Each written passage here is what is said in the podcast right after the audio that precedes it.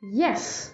Zin in energie. Energie. Oké, ik moet heel veel spulletjes kopen voor mijn huis. Lijstjes maken, wat moet ik halen? Wanneer? Wie ga ik vragen of hij met mij naar de tweedehands winkel wil? Naar Ikea? Als ik bekijk wat er allemaal is gebeurd afgelopen twee maanden en dat ik me eigenlijk zo goed voel. Dat ik mezelf leer kennen en dat ik in zo'n lekkere flow zit. En natuurlijk heb ik af en toe mindere dagen of momenten. Maar stel je voor als ik nu een stabielere woonsituatie zou krijgen. Of een werkplek waar ik helemaal tot mijn recht kom. Zie dan allemaal wat ik kan bereiken. Sinds lange tijd heb ik weer gewoon echt zin in de toekomst. Welkom in mijn hoofd. En wie gaat het allemaal in elkaar zetten? Ik kan dat niet. Ofwel, probeer het niet, want ik heb het geduld er niet voor. Geduld heb ik met mensen, niet met dingen. Doe ik het wel goed genoeg? Oh, dat zonnetje is echt heel lekker. Lekker de warmte op mijn rug. De dag begint eigenlijk al beter wanneer de zon gewoon schijnt. Mijn ADHD-hoofd. Ik voel me soms zo afhankelijk van de medicijnen. Maar aan de andere kant, een slechtziende heeft ook een bril nodig, toch? Ik kan best functioneren zonder, alleen het gaat veel beter met. En dat voel ik zo sterk. Eigenlijk heb ik even bewijs nodig dat ik lekker bezig ben of dat ik überhaupt dingen goed doe. Ik loop eventjes vast. Eigenlijk heb ik dan nu iemand nodig. Of het zou fijn zijn als ik iemand zou hebben waar ik even dan naartoe kan gaan om dat te zeggen. En dat dan iemand niet negatief reageert en allemaal oplossingen wilt zoeken. Want het is niet erg dat het gebeurt, alleen soms kan het al heel erg helpen om het gewoon te zeggen en er heel even kort over te hebben. En dan kan ik weer gewoon met volle energie weer verder. Het is alleen jammer dat ik niet zo'n persoon heb. ADHD-dingen. Een podcast met persoonlijke en deskundige gesprekken over het leven met ADHD en alles wat daarbij komt kijken. Mijn naam is Neerme Haggenburg en sinds vijf maanden weet ik waarom mijn hoofd zo druk kan zijn. Ik heb toen de diagnose ADHD gekregen. Hoe het is om de diagnose te krijgen, wordt besproken in deze tweede aflevering. Die diagnose heeft me een hoop helderheid gegeven, een hoop duidelijkheid gegeven en hoe gek het ook klinkt, ook rust gegeven. En al, al die dingen die gewoon bij mij hoorden, die bleken daar toch wel mee te maken te hebben. Ik kwam ook in een uh, groep uh, terecht, psycho-educatiegroep. En het was niet de theorie waarvan ik dacht van ja, dit ben ik dus, maar het waren de mensen. En ik dacht, oh ja, inderdaad, ongeduld. En we hebben eigenlijk dit gesprek omdat je net ADHD de diagnose hebt gekregen. Ja, precies. Eindelijk een stempel. Ja, voelt het zo of eindelijk een stempel? Nee, nee, helemaal niet.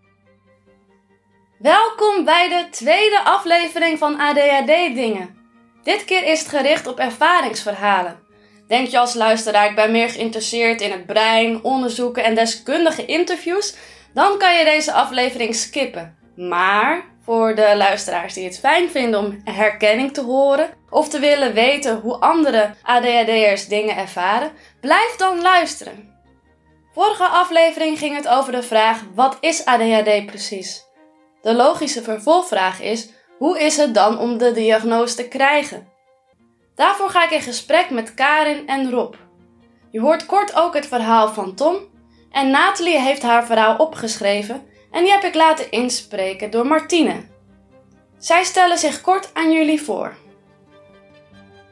Mijn naam is Tom, ik ben 34 jaar oud. Ik heb op mijn 33ste diagnose gekregen. Ik zou mezelf willen voorstellen als iemand meer dan alleen een ADHD'er. Feit is alleen wel dat veel in mijn leven is gevormd door de ADHD. Misschien is het voldoende om te zeggen: Hoi, mijn naam is Nathalie en ik heb ADHD. Hi, ik ben Rob Jansson, 37 jaar en ik ben er net achter dat ik ADHD heb. Ik ben Karin Juliaans. Ik ben getrouwd. Samen hebben wij twee kinderen. En ik werk als gezinstherapeut. Aan hen vraag ik waarom zij hebben besloten om te onderzoeken of zij ADHD hebben. We gaan het hebben over wat de diagnose voor hen betekent en ook oplevert. Tussendoor hoor je mijn verhaal in het kort.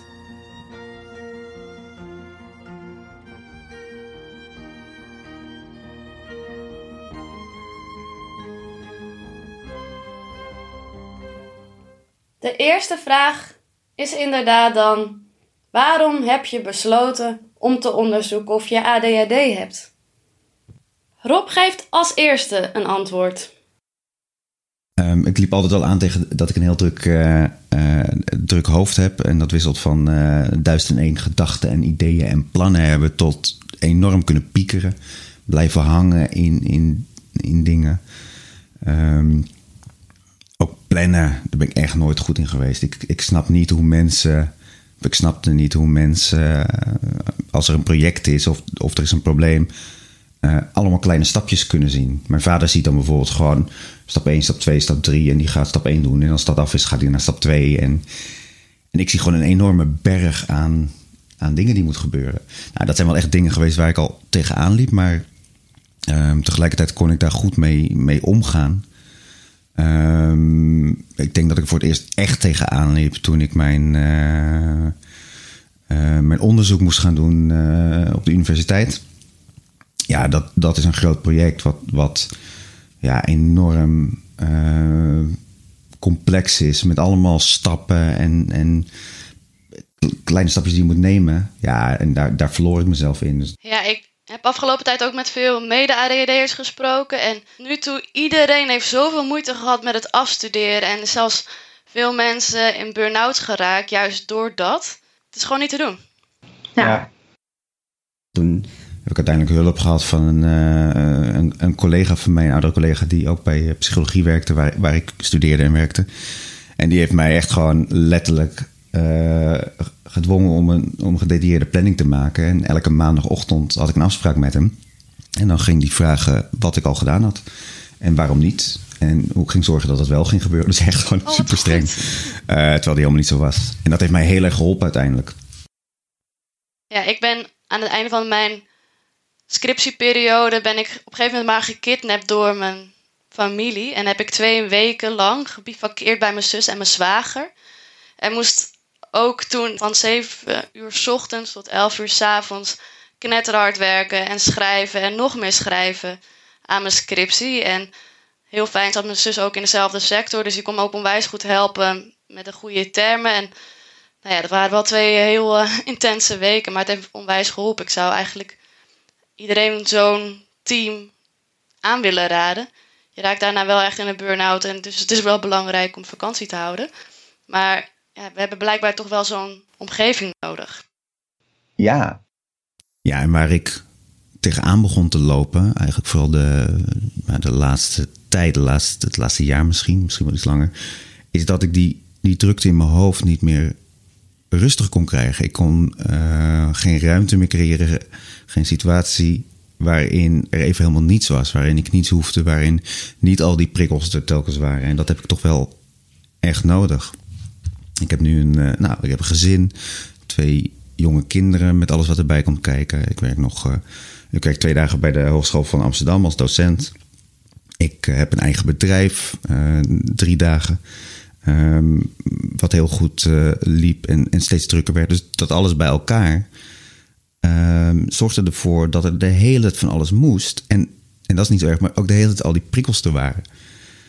En ja, dat zorgde ervoor dat ik steeds minder kon hebben. En dus ook steeds sneller eh, een kort lontje had. Met name thuis ook, eh, richting de kinderen of richting eh, mijn vriendin.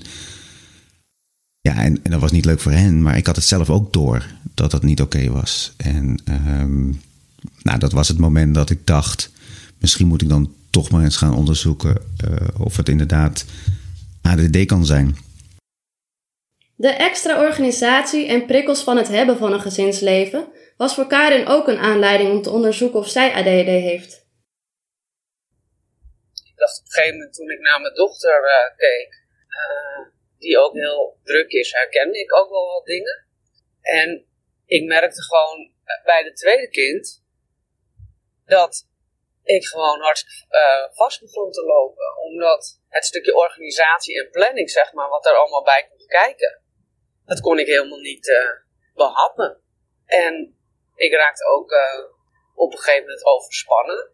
Ik had wel een aantal vriendinnen om me heen die ook eh, zelf ADHD hadden. En ook tegen me zeiden, nou weet je Karin, dat speelt bij jou ook. Ik weet dat ik het toen met mijn man sprak en dat hij zegt, nou ik zie het niet zo. Omdat ze hebben dan zo'n hele drukke stuiterbal eh, hebben mensen dan in hun hoofd. En dat kan ik ook zijn, eh, maar niet continu. En begonnen gewoon steeds meer eh, stukjes voor mijzelf. Dat ik dacht, ja, begon ik te herkennen. Impulsiviteit, een hyperfocus, eh, bepaalde dingen gewoon niet opslaan. Om vier uur 's smiddags bedenken Dat je wel even de woonkamer kan gaan schilderen. En al, al die dingen die gewoon bij mij hoorden, die bleken daar toch wel mee te maken te hebben. Ik uh, heb me laten onderzoeken. En ik weet nog dat ik uh, in de eerste instantie bij zo'n, noemen ze dat, zo'n hulpje van de huisarts. Uh, kon ik dan mee in gesprek en toen besprak ik mijn idee, wat ik had. En toen zei ze, nee, jij kan helemaal geen ADHD hebben met jouw werk. En ik was ook meteen klaar met deze mevrouw en ik heb gewoon direct een doorverwijzing gevraagd. En ik vond het ook echt, nou, zo kort door de bocht. Want ik kan juist eigenlijk met mijn ADHD, vind ik, heel goed mijn werk doen. Want mijn empathisch vermogen is enorm groot. Ik kan heel goed uh, met crisissituaties omgaan, snel schakelen. Het enige wat ik gewoon niet, niet goed kan, is uh, uh, structuur en administratie en dat soort dingen. Nathalie is ook een hulpverlener. Zij schreef naar mij over hoe het voor haar was om de diagnose te krijgen. Het kwartje viel toen ik bij de apotheek een poster zag staan met kenmerken waarin ik mezelf herkende. Ik besloot me te laten onderzoeken en kreeg al snel de diagnose. Bevestiging, omdat ik nu snapte dat en waarom ik altijd zo anders ben dan de rest. Opluchting, omdat ik hoop kreeg op een betere toekomst. Meer successen en minder falen. Als je weet waar je probleem ligt, kun je er immers wat aan doen. Maar ook toch ongeloof en teleurstelling. Hoezo wist ik dit niet eerder? Ik ben toch hulpverlener en ken of help zoveel mensen hiermee, zoveel cliënten. Wat slecht van mezelf dat ik dit niet eerder door had. Kansloos. Ik had een zoveel makkelijker leven kunnen hebben. Het is allemaal mijn schuld. En ook angst voor de mening van anderen en schaamte. Ik kom van de Nederlandse Antillen en weet dat dit soort dingen daar vooral twaalf jaar geleden taboe zijn. Toen ik mijn halfzus, directrice daar in speciaal basisonderwijs, vroeg wat haar visie op ADHD was, zei ze: Oeh, rare mensen joh, rare mensen. Het was een wirwar aan emoties waar ik een paar jaar geleden mee heb geworsteld. Later in de aflevering hoor je hoe Nathalie het vindt dat zij ADHD heeft, aangezien zij het al een langere tijd weet. Nu gaan we terug naar het gesprek met Rob. Ja. Want, want voor jou was het dus echt dat je op een gegeven moment dacht: oké, het is echt te druk in mijn hoofd. Ik wil gewoon eens even kijken wat het is. Of liep je ook echt wel tegen dingen aan dat je dacht: ja, nu kan het niet meer? Nou ja, ik liep wel echt vast. Ik, uh, zowel als privé als in werk. Uh, zeker tijdens mijn studententijd heb ik heel veel gedaan. Maar ik was heel erg slecht in afronden van projecten. Uh, dat ik bijna gewoon verdween aan het eind. Dus ik heb bijna ook geen goed afscheid gehad, omdat ik het zo lastig vond om het af te ronden. Gelukkig heb ik daar nu echt iets minder last van, van dat helemaal verdwijnen. Maar ik deed ook privé, bijvoorbeeld naar vrienden of familie, dat ik zo bezig was van ja, maar als iemand jarig is, moet ik inderdaad wel een berichtje sturen, maar ik heb geen cadeau, dus dan moet ik het op een andere manier compenseren. Maar ja, ik heb geen geld of geen tijd om iets te gaan doen met die persoon op dit moment of heel snel. Hoe moet ik dat doen? Oh, en dan raakte ik zo verstrikt in mijn eigen gedachten dat ik uiteindelijk ook niet meer ging bellen als iemand bijvoorbeeld jarig was of even steun nodig had. Of dat ik angst had voor het openen van brieven. En echt bijna paniek als iemand belde. Dat ik dan het nummer ging googlen om te kijken van ja, wie zou het zijn en wat heb ik nu weer verkeerd gedaan. En vooral vastlopen op nou ja, mijn negatieve chaos. Ik noem dat altijd de storm in mijn hoofd. En ik heb een aantal jaren heb ik geprobeerd om naar verschillende psychologen te gaan. Alleen elke keer gaven zij mij opdrachten en dachten van ja, ik snap waar het vandaan komt en wat de theorie die achter is. En uh, nou ja, ik heb zelf ook wel kennis van nou dat soort opdrachten. Maar het werkte niet voor mij. En daarom werkte het ook de hele tijd niet. En afgelopen augustus deed ik nog maar weer een poging. In kader van, nou ja, ik wil echt van mijn storm in mijn hoofd af. En ik had een intake met een psycholoog. En na vijf minuten dacht ik al, nee, dit gaat hem niet worden. Het klikt niet. Een heel ander soort van vibe dan ik nodig heb. Maar op een gegeven moment zei ze: Je klinkt heel capabel, maar je hersenen doen gewoon af en toe een beetje gek. Heb je niet nagedacht over ADHD? Nee, natuurlijk, nee, eigenlijk niet. Weet je, ik herkende me helemaal niet in het beeld van ADHD. Ik ken andere ADHD'ers. Ik dacht van ja, nee, ja, dat, nee, eigenlijk niet. Dat herken ik niet echt. Dat hele drukke of uh, niet kunnen plannen of ga, alleen maar chaos aan de buitenkant. Uh, maar ik ging s'avonds op Facebookgroepen kijken. Toen dacht ik, wow, oké, ik herken toch wel heel veel. En nou ja, ook met steun van mijn leidinggevende eh, gaf zij mij een aantal medicijnen om te proberen van ja, probeer maar. En dat was al, eh, een wereld ging voor me open. Ik dacht, ja, dit, zo hoort het te zijn. Eh, wat goed. ik heb die vrouw daarna ook nooit meer gezien. Eh, wel op een gegeven moment na de diagnose haar heel erg bedankt. Want nou ja, het is inderdaad een eye-opener en echt een verademing noem ik het altijd. Ja. Ehm, omdat je inderdaad dan er nu iets mee kan doen. Ehm, maar dat is natuurlijk heel gek hoe dat dan zomaar kan lopen. Ja. Ja. ja, misschien dan ook wel, dat herken ik wel een beetje, eh, het zogenaamd, ze noemde eh, mijn psychiater dan eh, hoogfunctionerend ADD. Als je gewoon, nou, misschien dan het geluk hebt dat je, eh, dat je veel kunt compenseren, dan lukt ook heel veel dingen. Dus dan denk je ook gewoon, of tenminste, ik heb nooit aan ADHD gedacht. Ja, soms voor de grap wel eens. Weet je, ik heb natuurlijk in mijn studie hier ook wel gehad en zo. En dan zei ik, eh, maar ja, dat heb je sowieso als psycholoog, of als psychologie-student, dat je heel veel dingen herkent. Dat hoort erbij. Ehm ja, grapje, oh ja, dat heb ik ook. Maar echt nooit serieus gedacht dat dat bij mij aan de hand kon zijn. Want ja, natuurlijk, weet je wel, ik ben wel een beetje chaotisch af en toe en wel een beetje dit, maar dat, ja, dat hebben wel meer mensen. Gewoon niet ehm, de echte ja, leiderdruk als het ware. eh, gewoon net niet voldoende hebben. Maar gewoon wel de hele tegen dingen aanlopen. En dan zien andere mensen het ook gewoon niet. Nee, absoluut niet. Nee. Nee. En dat maakt het ook wel, eh, wel, wel lastiger als het overduidelijk is. Dus ik had echt, zeg maar, ja, dus het samenwonen met, met een psycholoog dan nodig. Dus op een gegeven moment loop je gewoon tegen bepaalde dingen structureel aan. Ja, dan is, gaat het wel opvallen. Ja, precies. Ja, en dan is het alsnog, mensen dat, nou, in mijn omgeving ook, de, eh, mijn moeder zei laatst van, eh, ja, we zagen allemaal dat het op een gegeven moment niet werkte, maar we wisten niet meer, we dachten gewoon dat het aan jou lag, bij wijze van spreken. Ja, meer van, Ja. ja, eh, zo is ze. En dat, dat moeten we maar op een gegeven moment accepteren, maar dat, het, is niet, het valt bijna niet te accepteren, omdat het gewoon echt geen normaal gedrag is. Ja, Ehm, en dat bracht ook wel wat wrijving, zeg maar. Maar nu inderdaad de diagnose is, dan kan iedereen denken, oh, maar er is een verklaring voor. Eh mensen Ja. kunnen er nu ook gewoon normaler over hebben. Ja, ja. En dat, vind- dat vind ik echt grappig, want eigenlijk is er niks veranderd. Want Nee. zo, is, zo is ze, is nog steeds zo. ja, Weet je, ja, zo ben jij en zo ben ik en zo, ja. Alleen nu is het een soort van acceptatie dan of zo. Of, Ja. omdat er een label aan hangt. En ergens, nu we het zo zeggen, is dat best wel vreemd, vind ik ook wel. Als je het zo zegt. Ja.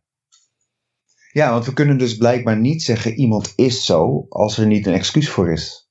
Ja, En, maar dat geldt voor heel veel dingen, denk ik. Maar ja, dat is ingewikkeld. En, maar dat is ook wel logisch, want eh, ja, weet je, we zien de wereld. Of tenminste, de wereld is normaal. Wij zijn normaal.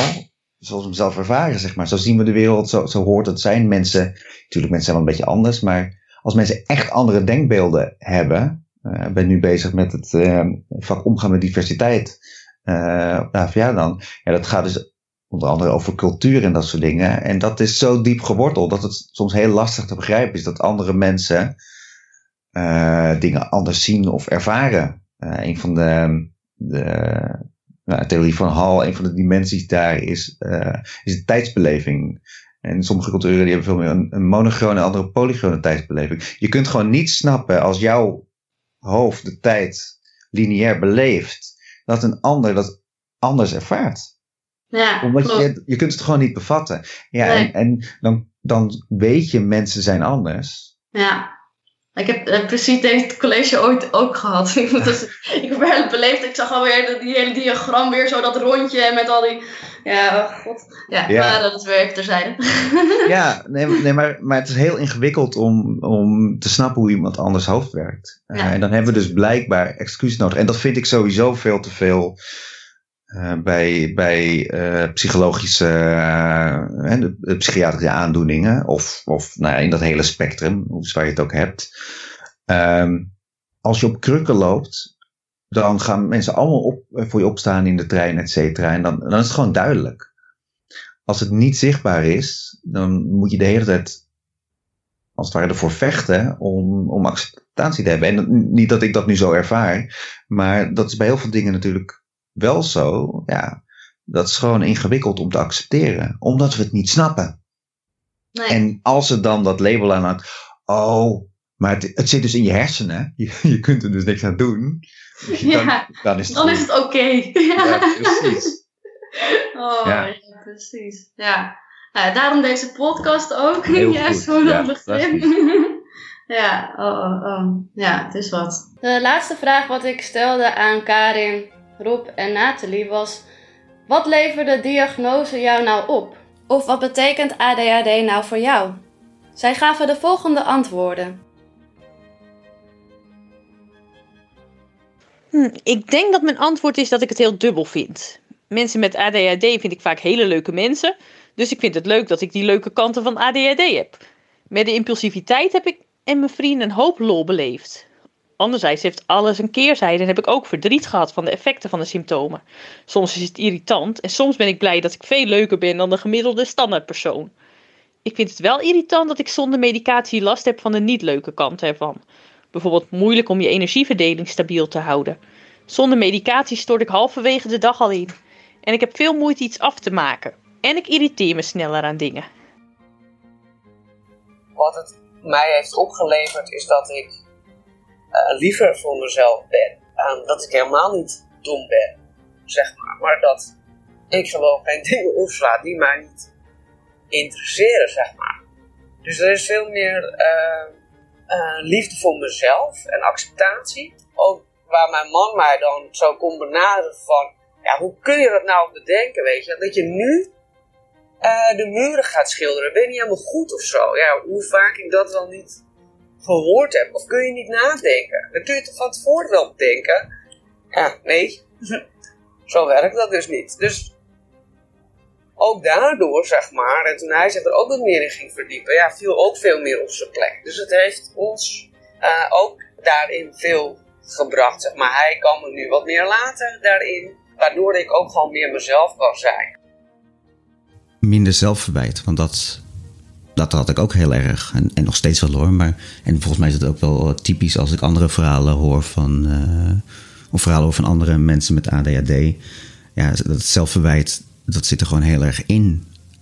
A, omdat je ziet dat andere mensen dingen wel kunnen. Ook wel met moeite, et cetera hoor. Het is niet zo dat iedereen natuurlijk fantastisch is in plannen. Maar je wil het graag en het lukt niet.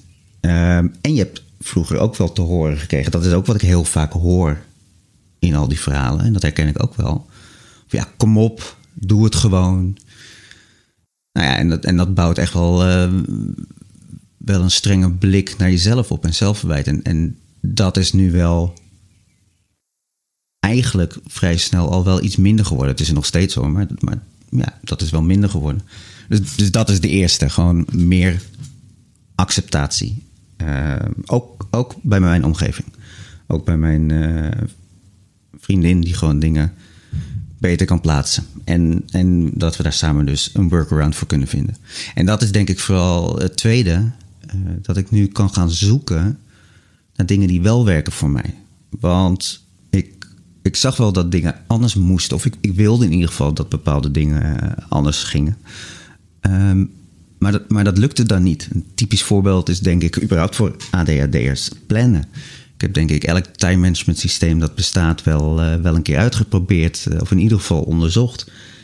Ja, en dat lukt dan een week, twee weken. En dan, dan ontspoort het weer. En um, ja, nu kan ik dus gericht gaan zoeken naar wat werkt qua plannen voor ADHD'ers. En dan kom ik er dus bijvoorbeeld bij uit dat het, bullet journal, uh, wat inmiddels vooral geworden is tot een kunst op, uh, op Instagram, oorspronkelijk bedacht is door iemand die zelf ADHD, of ADD heeft, ADHD, en tegen dezelfde dingen aanliep. En die is dus gaan kijken naar, oké, hoe kan ik een systeem ontwikkelen dat voor mij werkt? En, en dat is dan het bullet journal geworden. Nou, dat is dan iets wat ik kan gaan uitproberen met tegelijkertijd iets meer uh, nou ja, zelfcompassie, zoals dat zo mooi heet. Dat het waarschijnlijk ook af en toe even niet werkt. Nou, het mooie van dat systeem is dan dat het um, dat dat er ingebouwd is. Dus je kunt het weer oppakken op het moment dat je er weer aan denkt en dat je het weer wilt gaan proberen. Dus het is niet meteen allemaal weggegooid. Oh, ik ben echt blij dat je bullet journal zegt, want nou ja, ik heb er ook eens sinds twee jaar nu en nou, het wordt ook wel eens mijn leven genoemd. Ik schrijf daar echt alles op. En ja, ik maak er ook creatieve kunstwerken van, maar juist de planningen maken per week en alles opschrijven wat ik moet doen of wat ik wil kopen of doelen schrijven, dat ik mijn hoofd leeg kan schrijven. Dat is zo prettig. Dus, dus dat is wel echt een, een tweede groot voordeel. Dat ik kan gaan zoeken naar eh, dingen die, die werken voor mij. En ook voor mijn eh, omgeving. Eh, mijn vriendin bijvoorbeeld. En het dus ook gewoon de sterke kanten er mogen zijn. Hè? In het begin was ik ook helemaal een beetje, nou, ging ik alles lezen en bloggen. En ik ook in een boek, Vrouw met ballen. En ja, op een gegeven moment zakt dat ook wel weer. Op zich, eh, weet je, gaat het hartstikke goed. En mag ik echt niet klagen. En in sommige dingetjes is het gewoon wel eens lastig. Eh, het begrenzen van jezelf met een telefoon, met impulsen. eh, ja, weet je wel, steeds die balans zoeken. Eh, ja, ik zelf, de, de diagnose heeft me uiteindelijk veel gebracht. Ik ben wel blij dat ik hem niet als kind heb gehad. Al heb gekregen, omdat ik nu wel echt vanuit mezelf heb kunnen, me zo heb kunnen ontwikkelen. Dat juist de sterke kant, hè, de pluskant van eh, ADHD, ja, gewoon heel goed aansluiten. Dat ik daar echt mijn weg in heb gevonden. En ik had het wel weer willen weten voordat ik kinderen had. Ik denk dat ik dan eh, me meer bewust was dat dat me wel had kunnen helpen. En voorheen, hè, als ouders uh, soms met hun kind uh, zoiets hadden, ja, maar uh, hij moet gewoon onderzocht worden. Maar ja, probeer ik wel altijd van de insteek van, nou ja, wat er ook uitkomt. Het gaat er toch voornamelijk om dat je, jouw kind is je kind, zeg maar, met, met wie hij is. En het gaat erom om daarop aan te sluiten. Dat is, dat is veel belangrijker. Um, dus ik zag ook niet altijd heel erg het belang van een diagnose. En, uh, maar ik zie nu inmiddels ook gewoon door mijn eigen ervaring wel echt ook de meerwaarde. Zeker op latere leeftijd. Uh, omdat je nou eenmaal. Uh, er zijn toch gewoon verwachtingen. Verwachtingen van anderen. Verwachtingen die je daardoor ook van jezelf hebt over wat normaal is en hoe het hoort waar je niet aan kunt voldoen, waar je dus tegenaan loopt. En op het moment dat de diagnose is, kunnen mensen ook die verwachting gaan bijstellen. En dat, is, dat geeft wel heel veel rust en begrip. En ook gewoon begrip voor jezelf. Dus dat is gewoon super, uh, super fijn. Het, is nu al, het heeft nu al heel veel opgeleverd. Dus dat is al winst, ja. Ja, precies. En dat na zo'n korte tijd. Want zei natuurlijk dat je na een maand, dat je maar een paar weken natuurlijk je diagnose hebt gehad. Ja. Ja, precies. Maar dat vond ik echt heel, ja, eigenlijk wel raar ook. Toen die diagnose er was, toen kwam ook echt heel veel acceptatie meteen wel. Van, oh, oké, okay, ja. En we hebben hier een oud huis gekocht, verbouwd en weet ik veel. Maar die trap, die is echt al vier jaar nog steeds kaal. En elke keer loop ik eroverheen en denk ik, oh, kom op, zo moeilijk is het toch niet even een trap verven. Maar ja, het is niet even een trap verven. Want je moet natuurlijk onderzoeken wat de beste verf is en hoe je het beste kunt schuren. En of je dan eerst grondverf moet doen en dan plamuur of andersom. En, nou, moet je helemaal uitzoeken. En dan Ja. loop je vast. Ja, precies dat. Precies dat, ja.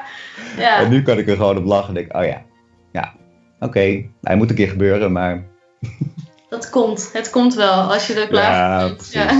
En als nou, anderen er te veel last van hebben, dan gaan zij het maar doen, zoiets. ja, zoiets, ja, precies. Je kleine kindjes, ja. Ja, precies, doen we gewoon vingerverf of zo, ook leuk. Ook leuk, creatief meteen. Dat is wel...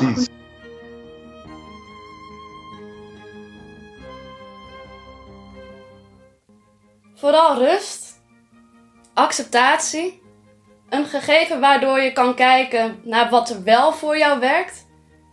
En het geeft een mooi handvat voor je directe omgeving om het gesprek aan te gaan. De diagnose heeft voor mij betekend dat ik eigenlijk vanaf moment 1 al meer begrip heb gekregen vanuit mijn omgeving.